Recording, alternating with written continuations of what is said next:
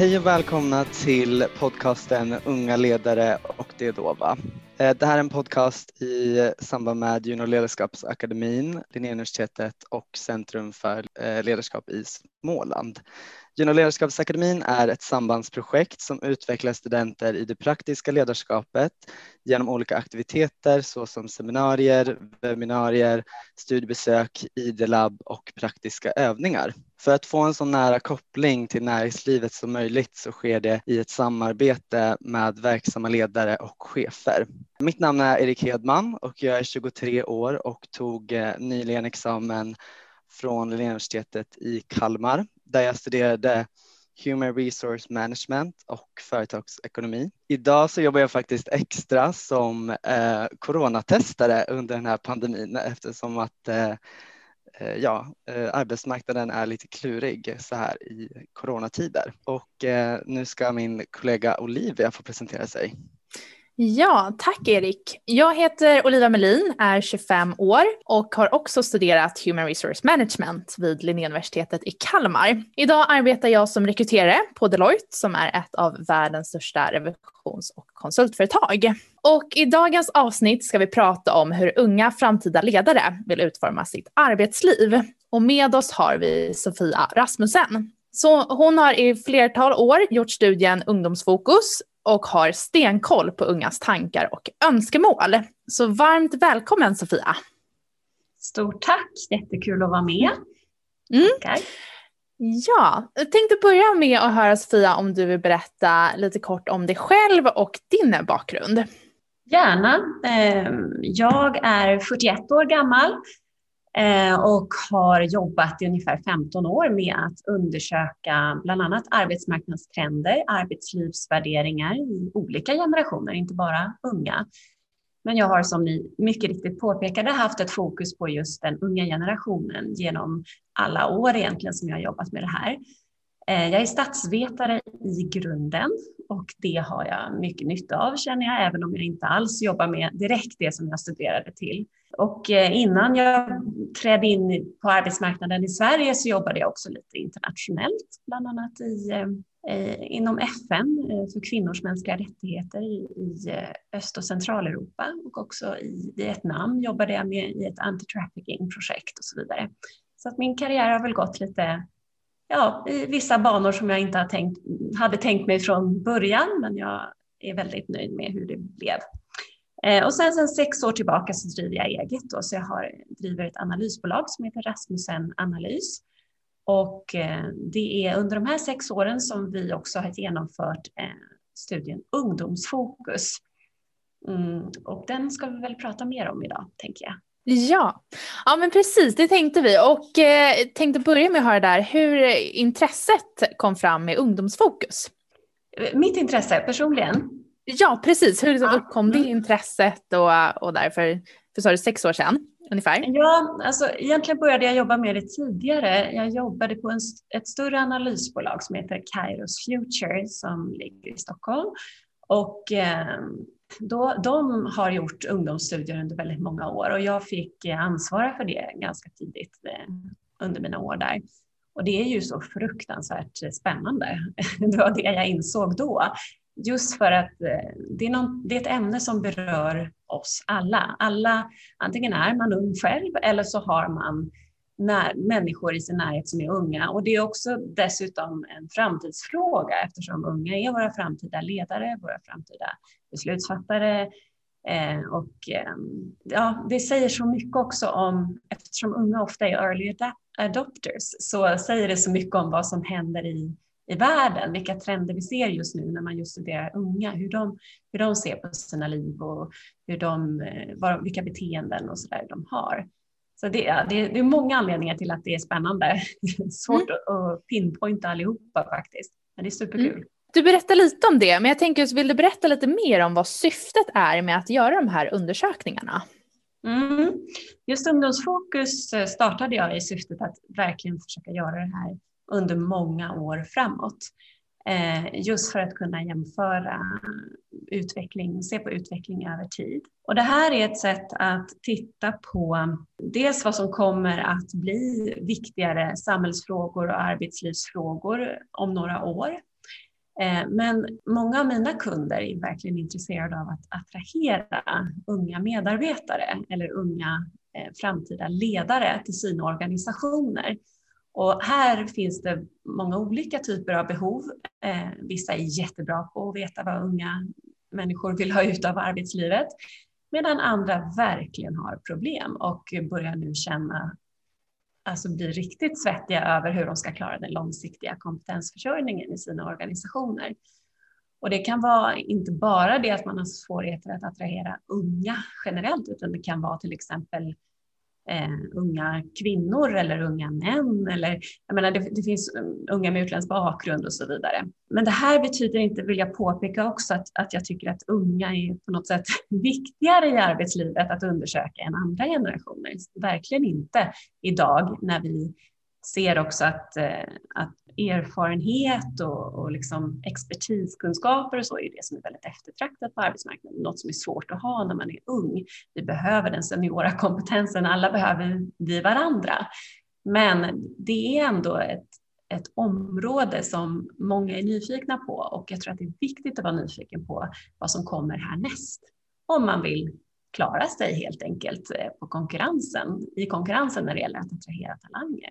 Ja, nej men verkligen och det är ju det är verkligen eh, de unga som liksom är framtiden i den meningen och ja. därför tror jag också det är så viktigt just att för framtida eller för arbetsgivare generellt att veta hur de ska kunna möta alla de här kraven som eh, den yngre generationen har. Liksom. Mm, mm. Ja, det finns um, ett omättligt behov där kan jag säga. Jättestort intresse finns det. Ja, företag och organisationer. Ja, men verkligen. Men vad tror du blir en utmaning då för framtida ledare att liksom kunna ja, men attrahera den, den yngre, yngre generationen? Det är en stor fråga. Det finns många svar på den frågan. Det gäller att hela tiden hålla den här nyfikenheten levande tror jag, för att det gynnar så många olika delar av verksamheten. Eh, men eh, om man, titt, man, kan, man kan angripa din fråga från två, på två olika sätt tycker jag. Det ena handlar om att ha koll på vad unga själva tycker är viktigt i sitt framtida arbetsliv. Alltså vad är det de efterfrågar? Vad är det de så att säga kräver, om de nu kan ställa krav? Eh, och det andra är att titta på hur utvecklingen i samhället ser ut. Alltså vilken arbetsmarknad är det de har blivit fostrade in i? Vad är det för förändrade villkor som gäller nu för den unga generationen när de tar klivet in på arbetsmarknaden? Eh, så att det är dels hur de vill utforma och vad som krävs av dem så att säga.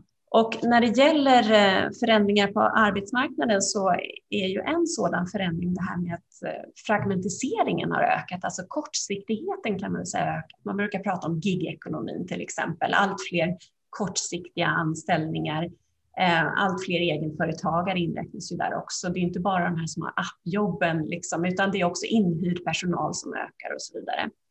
Och här ser man att förvisso finns det en, en stor grupp unga som tycker att en, den här utvecklingen är rätt bra, att det ger frihet, flexibilitet och så vidare. Men den allra största gruppen skulle jag vilja säga har svarat på den här utvecklingen genom att eh, önska sig något helt annat av sina arbetsliv, nämligen trygghet, långsiktighet och en slags hållbarhet, eh, både för egen del naturligtvis, men självklart också för världen i stort och det här med att ta hänsyn till klimatet och så vidare. Så det är en sån stor trend eh, som jag tror att arbetsgivare behöver förstå på djupet lite bättre. Unga vill, man brukar säga att unga är hoppjerkor, de hoppar mellan olika anställningar, har eh, väldigt lite tålamod och så vidare. Och till viss del, ja visst, det kanske stämmer om man jämför med många år tillbaka i tiden, men den stora trenden är långsiktighet, inte kortsiktighet, alltså att det är det man eftersträvar. Man vill fördjupa sig i, i, sin roll, man vill förkovra sig inom olika områden, man vill stanna länge hos en arbetsgivare om, om man kan och om det är utvecklande. Eh, för det ger bäst utveckling, tycker många unga. Så att eh, bryta de här fördomarna kring vad man tror att unga vill ha och vad, vad unga faktiskt svarar i den här typen av undersökningar. Det är bara en sån sak som jag kan lyfta fram. Ja, men precis. Men om det är så då att unga vill ha trygghet, de vill också se till den till liksom en, en helhet med liksom, eh, värderingar och klimatet och så vidare. Vad ställs det då för liksom, det blir en utmaning då för chefer att kunna mm. leda generationen som har såna, de här kraven. Mm. Vad tror du ställs för utmaningar då, då på framtida chefer? Ja, dels är det ju att eh, Eh, ja, om man bryter ner det, det, dels är det det här med hållbarhet och klimatet och så, det är en jättestor fråga för en väldigt stor del unga och där har ju så att säga äldre generationer inte alls förstått vidden av hur alarmerande många unga tycker att det här är. Utifrån det, det gjorde vi en hel undersökning kring för två år sedan, eh, där vi kunde se just en väldigt dystopisk framtidsbild bland unga eh, med tanke på klimatet. Eh, och utifrån den insikten så förstår man att arbetsgivare, de flesta arbetsgivare i Sverige gör alldeles för lite på, när det gäller att gynna eller inte missgynna klimatutvecklingen för att vara riktigt attraktiva arbetsgivare för framtidens talanger. Så är det. Eh, när det gäller hållbarhet och långsiktighet och så, så handlar det mycket om att ledare behöver ha koll på det här med eh, eh psykisk hälsa och ohälsa. Eh, det här är ju något som unga har jättebra koll på. Eh, det, det är inte alls lika vad ska man säga, tabubelagt att prata om psykisk ohälsa. Många unga har sökt professionell hjälp idag för psykiska besvär. Man har koll på hur det funkar. Många unga kanske har föräldrar som har gått in i väggen och man är väldigt eh, angelägen om att ha ett psykiskt hållbart arbetsliv. Och det tror jag att eh, arbetsgivare och chefer kommer känna av ganska snart, att när unga träder in på deras arbetsplatser så kommer det vara ganska väl eh, direkt uttalat att ja, jag undrar vad ni, vad ni kommer göra för att jag inte ska gå in i väggen på den här arbetsplatsen. Så det är en sån konkret sak. Och när det gäller utveckling och hur man, alltså personlig utveckling är en av de viktigaste aspekterna när unga väljer arbetsgivare.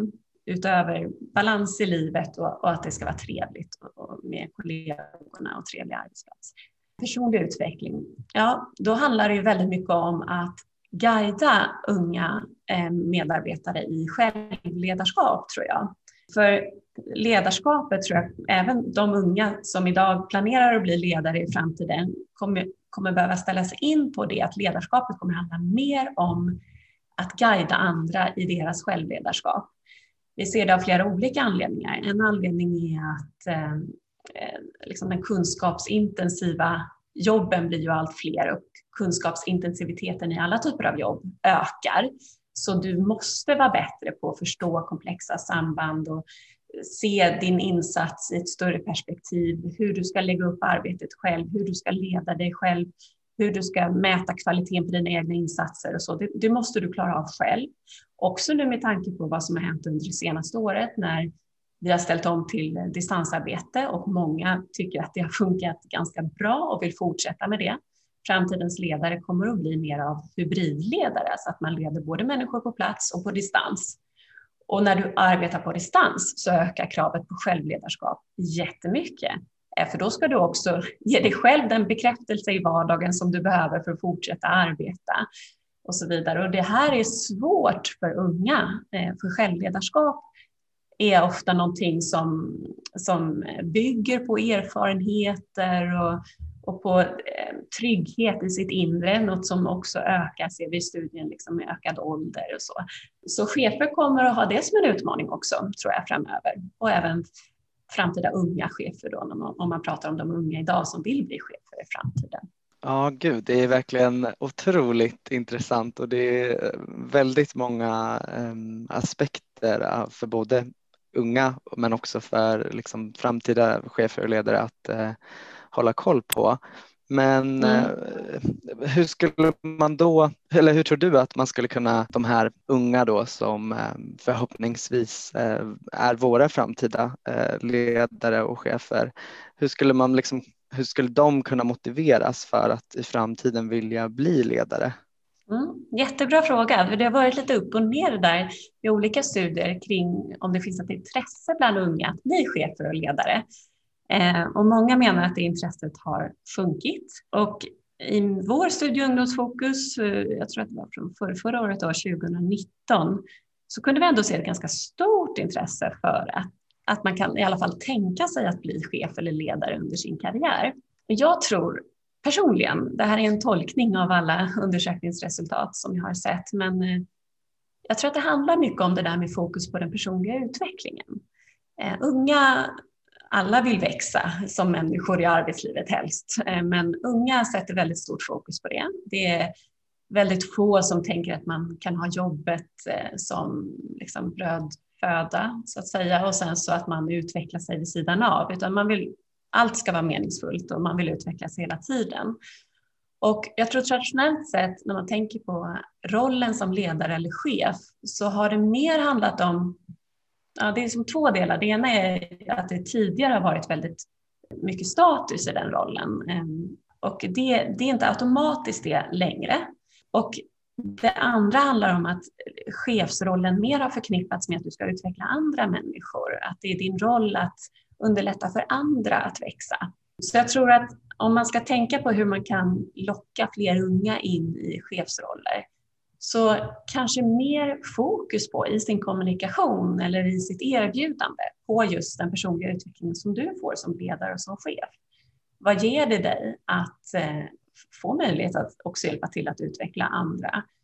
Och hur kan du använda liksom dig av din rika rikedom som du har inom dig och dina erfarenheter och din kreativitet och alla de här begreppen som ju är så lockande för unga. Att växa, att få vara kreativ, att få um, samarbeta med andra människor och, och, utbyta idéer och så vidare. Alltså det, mer fokus på det än, än någonting annat. Sen så är ju chefsroller olika och i vissa situationer så är, handlar det ju väldigt mycket om andra saker. Så det handlar ju också om naturligtvis att eh, skapa sunda vad ska man säga, förutsättningar för chefer att vara just ledare till andra människor.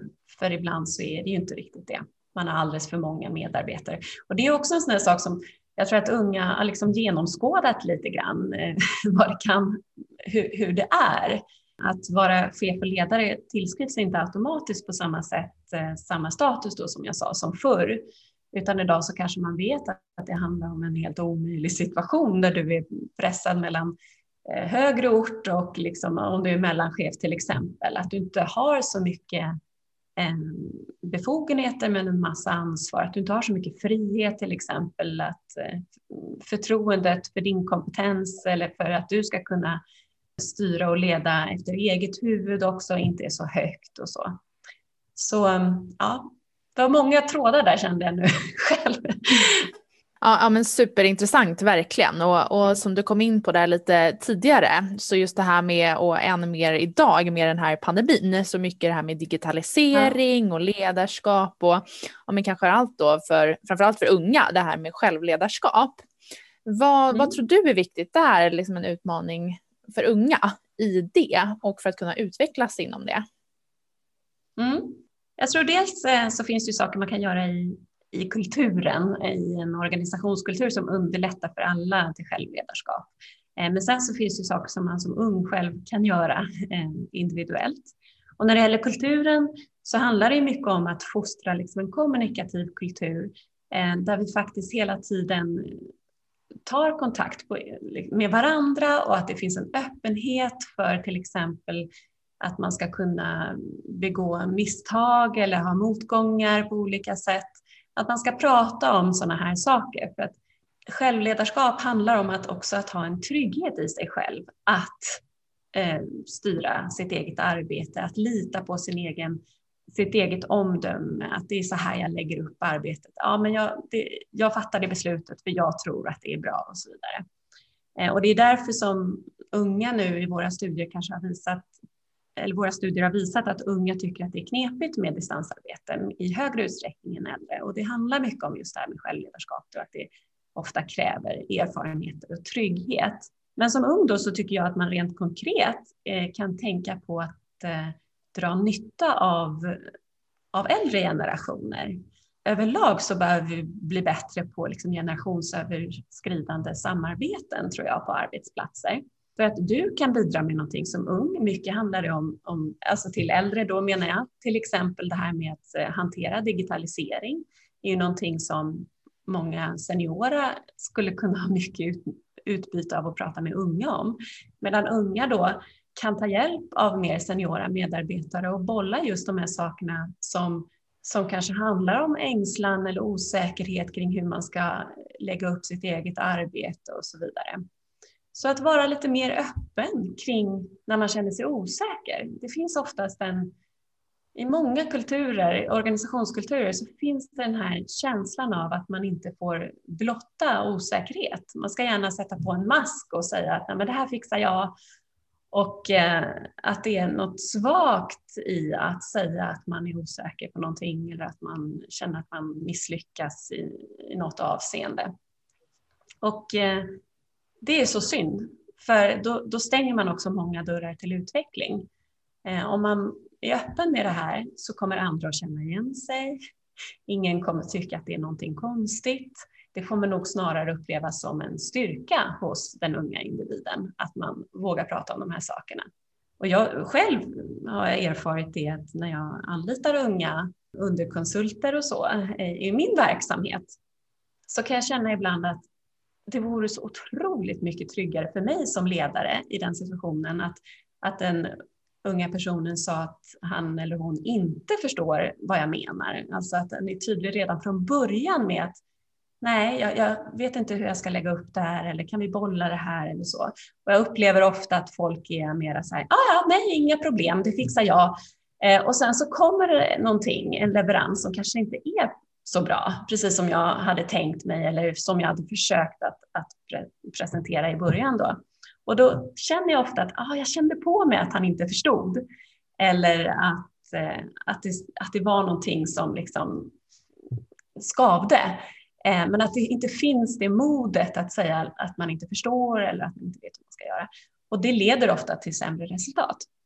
Så att vara lite modig på det sättet och be om hjälp och blotta kanske när man känner sig osäker, det tror jag är jätteviktigt. Mm. Sen tror jag också, vill jag lägga till, att alltså, den här, det här året som har gått har ju varit en, egentligen en helt fantastisk möjlighet för oss alla att vässa på vårt självledarskap. Och skriv upp det du upplever. Skriv upp dina lärdomar, alltså ta tid, avsätt tid varje vecka eller kanske varje dag till exempel i slutet av arbetsdagen till att formulera vad du har lärt dig av just det här med att, att du sitter på egen kammare och ska styra dig själv och ska liksom eh, utan att få omedelbar bekräftelse hela tiden eller kunna bolla saker. Vad är det du har lärt dig? Vilka misstag har du gjort? För det här är att utveckla konsten i självledarskap. Och för att inte glömma bort och för att kunna bli en bra ledare till andra i framtiden, skriv ner och eh, se det som, en, som ett eget kompetensområde, kompetensutvecklingsområde, det här med konsten att eh, leda sig själv. Ja, det är superintressant just det här och, och, som du säger nu om någonsin så får man ju verkligen prova mm. sina kunskaper inom självledarskap. Och jag tänker just ja. också det där du nämnde med att man kunna ställa mycket frågor och också det här att ibland när man kanske inte förstår men man säger att ja men absolut jag ordnar det och sen kanske ja. inte blir den kvaliteten eller leveransen som liksom kanske efterfrågades från början. Jag tänker också mm. nu med allt mer liksom digitalisering och också nu när mycket är på distans. Vad, vad mm. tror du, eller har, har du några tips där? För jag tänker att det kanske blir ännu mer ja, man kanske tänker en extra gång innan man ställer den här frågan för då måste man ta upp telefonen eller liksom skicka ett nytt mejl eller vad tror du är ett bra tips där eh, till unga just för att våga fråga och liksom, om man inte förstår eller så? Mm. Bra fråga. Ja, alltså utöver det jag har sagt då, bra tips för att våga fråga. Och jag tänker, ja men precis som nu mer ännu på distans. Ja, ja men jag, jag tänker att det här är, precis som med allting annat, så är det här en övningssak. Precis för att du ska bli bra på vad som helst så behöver du börja och sen bara öva på det. Och det här med att våga fråga, att blotta när man är osäker och så vidare. Första gången kanske blir väldigt jobbig. Men jag kan nästan garantera att eh, det inte kommer bli det resultat som många befarar, utan det blir snarare att man verkligen möts av att någon är glad över att man har ställt frågan. Eh, dessutom så bidrar man ju till att eh, skapa ett klimat där fler vågar vara öppna och, och blotta osäkerheter och så vidare. Och, och man kan liksom vara ganska trygg i att de flesta människor i arbetslivet vet hur det är. Alla har varit unga och klivit in på arbetsmarknaden och varit nya. alla vet hur det är att komma in och eh, inte ha erfarenheter. Eh, det är liksom, och många vill hjälpa till. Många skulle verkligen vilja vara mentorer och hjälpa och stötta och så vidare, bara man får frågan. Så, så helt enkelt våga, våga lita på det, att människor vill väl, man vill inte sätta dit varandra eller liksom säga att, att det är svagt att be om hjälp till exempel, utan det är, det är snarare tvärtom. Ja, det är framför allt just nu, som, eller det jag har sett nu när jag har kollat mycket arbetsannonser och sånt, så är det många arbetsgivare och företag som äh, sätter som krav att kandidaten ska vara prestigelös. Skulle ja. du tro att det kan vara en just den här, ett nytt, eh, vad ska man säga, ett, en ny kvalifikation som många arbetsgivare söker hos unga, att de vill att de ska vara prestigelösa? Absolut, det är en väldigt bra iakttagelse, för jag tror att det är helt avgörande för att lyckas på framtidens arbetsmarknad att man är prestigelös. Och anledningen till det är att utvecklingen går så fort så att det är närmast omöjligt att så att säga ha vad som krävs vid rekryteringstillfället. Eh, man brukar ju säga att eh, man brukar prata om reskilling och upskilling idag som ni kanske har hört talas om. Alltså man traditionellt sett som arbetsgivare identifierade ett nytt kompetensbehov i organisationen så kanske man rekryterade en person som hade den kompetensen. Men nu tack vare att utvecklingen går så fort, mycket på grund av AI och annan typ av digitalisering och internet of things och allt vad det kan vara. Eh, så utvecklingen går så fort så att det är liksom omöjligt att, att rekrytera ny kompetens så fort man, man liksom behöver den kompetensen i organisationen. Det blir för dyrt. Så istället så måste man satsa på att uppdatera kompetensen som finns i den befintliga personalen. Eh, och då, för att du ska ha det här ständigt lärande mindsetet så måste du på ett sätt vara prestigelös. Du måste börja om och vara nybörjare eh, ganska många gånger i din karriär och det kommer bara bli mer och mer så eh, för framtidens medarbetare och ledare. Eh, du kommer att behöva lära om och lära nytt. Eh, så jag tror att framtidens viktigaste kompetens egentligen är din förmåga att ständigt lära nytt. Och att vara prestigelös då och lära av andra och så vidare och erkänna att du inte kan saker. Det är jätteviktigt. Ja men precis och jag menar nu under pandemin så har det verkligen visat sig att liksom alla egentligen har ju behövt eh, ställa om och liksom vara flexibla för allt som ja. har hänt. Men eh, tror du att eh, det, alltså den här pandemin då har påverkat ungdomarnas syn och liksom åsikter för, för framtiden? Ja, det tror jag. Eh, det vi kunde se i 2020 års eh, ungdomsfokusundersökning var ju att många unga, och då, det, när jag pratar om unga eh, så är det ju 15 till 29-åringar, så det är ett ganska brett perspektiv och absolut inte alla där som är inne på arbetsmarknaden.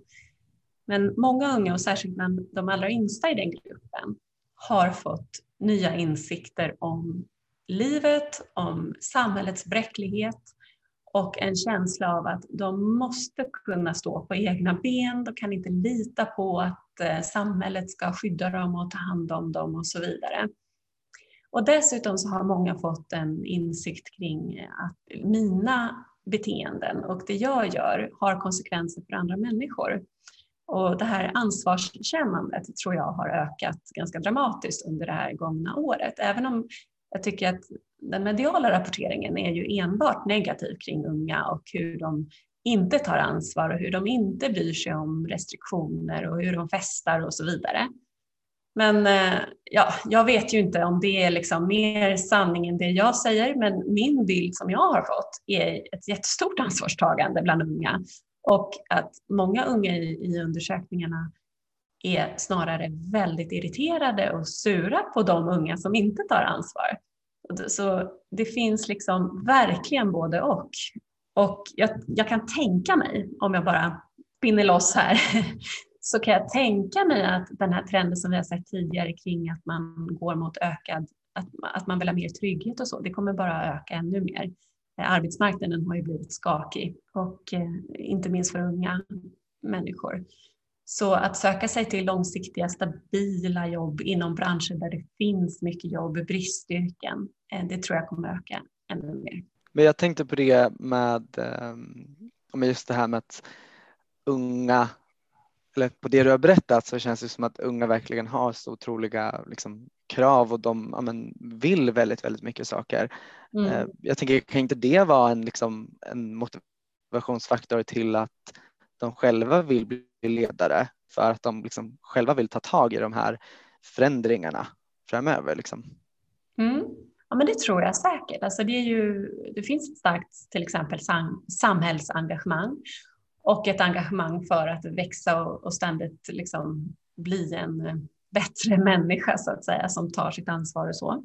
Men det beror ju verkligen på hur de ledarrollerna ser ut då. Alltså finns det möjlighet för mig i den här organisationen som chef eller ledare att få utlopp för allt det här? Då tror jag att absolut, det kommer inte vara något problem då med att unga inte skulle vilja ta den rollen. Men det handlar väldigt mycket om hur, ja, hur förutsättningarna i våra organisationer ser ut.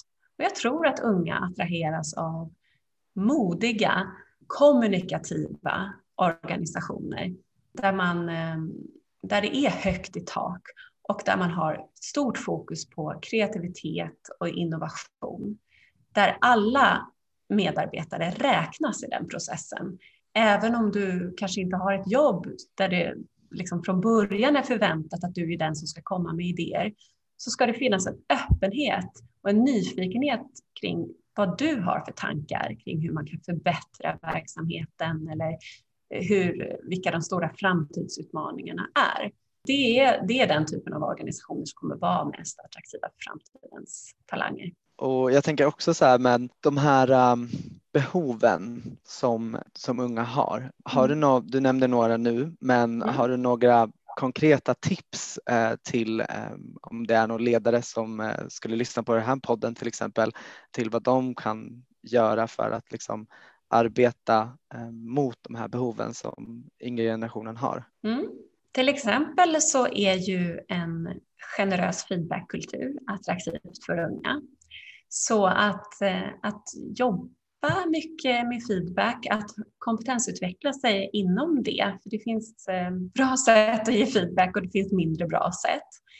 Och att inte se sin roll som chef som att jag ska vara duktig som chef och komma med alla lösningar och förslag på hur du kan lägga upp ditt arbete, utan att försöka se som fokus att det jag ska göra, det är att coacha dig som ung medarbetare att hitta dina vägar och dina lösningar. För det är självledarskap och det är så man växer som människa. Och det är det som unga tycker är attraktivt och vill ha. Tidigare så har man väl pratat mycket om så att ha en tydlig karriärstege till exempel med tydligt definierade steg och eh, att du ska veta vad nästa steg är och hur du når dit och så vidare. Och jag tror inte det är liksom helt eh, utdaterat och så. Det är fortfarande viktigt med, med tydlighet där. Men jag tror att det är ännu viktigare att titta på okay, hur, hur, att du som ledare ställer frågorna. Hur ser personlig utveckling ut för dig? Vad är viktigast för dig för att du ska känna att du växer i din yrkesroll och som människa? Och hur, kan, hur, hur ser du att jag kan hjälpa dig i den utvecklingen och ja, guida dig och coacha dig i det? Jag försöker komma på fler grejer här som jag inte redan har sagt. hur, men hur tänker ni själva? Känner ni igen er? Ni tillhör ju eh, åldersgruppen som jag pratar om. Det gör ju inte jag. nej, precis. Jo, ja, men jo. Eh, ja, nej, men verkligen. Alltså, jag känner att eh, men mycket, nu har jag gått på väldigt mycket intervjuer den här hösten och eh, men jag känner verkligen att jag själv beskriver eh, det du pratar om, liksom att jag vill ha en trygg arbetsplats där eh, det är liksom, den här frågan, vad ser du hos en chef? Vad är liksom viktigt för dig? Så säger jag alltid att liksom, jag tycker att det är otroligt viktigt med feedback och mm. personlig utveckling. Att, att jag får liksom, men, beröm och kritik på mitt arbete men att det också är, finns en öppenhet i att jag kan få ge feedback också. Att även bland med kollegor men också mot chefer, liksom, att eh, det finns en öppenhet till att men, få ge och ta.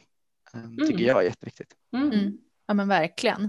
Och jag som sitter och, och håller i väldigt många intervjuer, jag ser också det, jag rekryterar ju ja, men, främst nyutexaminerade. Och mm. det är också en röd tråd att få mycket feedback och återkoppling och mycket också just hur, hur ligger man till, liksom, hur ligger man till till ja, når man målen eller ja, mycket sånt där också. Mm. Eh, och få bekräftelse och bli sedd för det man gör och, och framförallt i en jättestor organisation, eh, att man som individ också har någon eh, som kan ge den här feedbacken och återkoppla. Eh, men också att man såklart också får ge möjligheten att ge andra feedback eh, mm. där. Så att det är liksom en, en loop och inte bara envägs. Jag tror att alltså, som chef och ledare så kan man ju också vara öppen själv. Alltså man ska inte bli privat kanske, men man kan vara rätt personlig. Och särskilt att vara generös och dela med sig av sina motgångar. Eh, mm. Och vad det har lett till för lärdomar. Det där liksom kan man inte påpeka tillräckligt många gånger hur stor betydelse det har för en organisationskultur. För det är ju auktoriteter som sätter, liksom, med sina beteenden, som sätter värderingarna i en organisation. Det är ju inte orden i liksom, värderingsplanen eller vad man kallar det, utan det är ju hur hur vi lever det och särskilt hur ledare lever det. Och är du som ledare, visar du att du är prestigelös till exempel, att du kan ställa frågor och på det sättet kanske blotta kunskapsluckor som du har utan att skämmas över det. Det är helt normalt. Eller att du har haft motgångar, att du har gjort misstag som men, men också vad det har lett till för lärdomar och hur du har utvecklats av det. Alltså det är ovärderligt tror jag för unga medarbetare att känna att de kan vara sig själva, att de får ställa frågor, att de, det liksom skapar ett utrymme för människor att växa. Så det är väl ett jätteviktigt tips. Och också be unga om, om feedback, om, om man vågar och vill som ledare. Alltså, har du något att säga till mig? Vad skulle du vilja ge mig feedback på det här? Som jag har gjort eller sagt och så vidare. Så skapar det också liksom en känsla av att, ja, av att eh, alla lär sig någonting i den här organisationen. Men eh, jo, i juniorledarskapsakademin så vill ju verkligen att ja, men, eh, det handlar mycket om ungt ledarskap och att man ska också våga ja, men, ta ledande ja, men, positioner och befattningar ute i organisationer och företag. Och eh, just i juniorledarskapsakademin så ger vi också möjlighet att förkovra studenter i det praktiska ledarskapet. Eh, och där tänkte jag höra med dig Sofia, varför tror du att det är viktigt att just göra det? Att förkovra sig i det praktiska ledarskapet? Precis, mm. ja. Ja, men det låter ju som en väldigt bra idé att erbjuda den möjligheten. Eh, och jag tror att börjar man ta reda på mer vad det innebär att vara chef eller ledare så kommer det också skapa intresse, mycket större intresse. För att man förstår att det leder också till personlig utveckling eh, och att, att det är en attraktiv roll i väldigt många avseenden och skapar, öppna nya dörrar framåt också. Så ju mer kunskap man har, desto bättre för framtiden. Vi behöver hela tiden kompetensutveckla oss idag. Det, det är liksom bara så samhället och arbetsmarknaden ser ut. Eh, och det är ju roligt att få den möjligheten också. Tack så mycket. Då tänker jag att vi ska avsluta här och runda av och tänkte avsluta då med tre snabba frågor eh, här till dig Sofia. Läskigt. Så, tänkte börja med att höra, har du några särskilda rutiner som du tror är en framgångsfaktor? Ja, men ja, jag håller på med yoga Eh, och till viss del meditation. Det är otroligt givande för mig i alla fall att liksom eh, ja, det samlar mig varje dag och jag får en möjlighet att samla tankarna och så där. Det är tips. Vad skulle du säga till ditt yngre jag? Oh, jag, jag önskar att eh, du, unga Sofia, förstår att man liksom inte behöver leverera perfekt hela tiden. Eh, jag önskar att eh, du förstod att good enough är vad du ska sikta på, för det, det duger. Och vara trygg i att du duger som människa, även om, om det skulle gå fel eller någon skulle ha kritik mot vad du har presterat. Yes, och sista frågan, varför ska man bli entreprenör eller ledare? Men det är en helt underbar känsla av stolthet skulle jag vilja säga över, om du är entreprenör, eh, över att bygga någonting som, där du bestämmer faktiskt själv, där du prioriterar själv och du vet att det här kommer från Ja, från, från ditt inre, från din kreativitet. Det är en otrolig glädje och eh, stolthet i det. Och när det gäller ledarskap så är det ju så fantastiskt roligt och utvecklande också att vara ledare för att eh, du ser hur, vad som funkar och vad som inte funkar hela tiden med andra människor. Du utvecklar din kommunikation. Eh, och eh, att vara tydlig är, blir liksom någonting som man behöver utveckla väldigt mycket i sitt ledarskap. Och det ja, det, det utvecklar hela dig som människa skulle jag vilja säga. Så. Ja, tack och uh, tack så jättemycket för uh, en fantastiskt intressant uh, diskussion vi har haft idag. då tänker vi om man vill följa ditt arbete, Sofia, hur ska man gå tillväga då?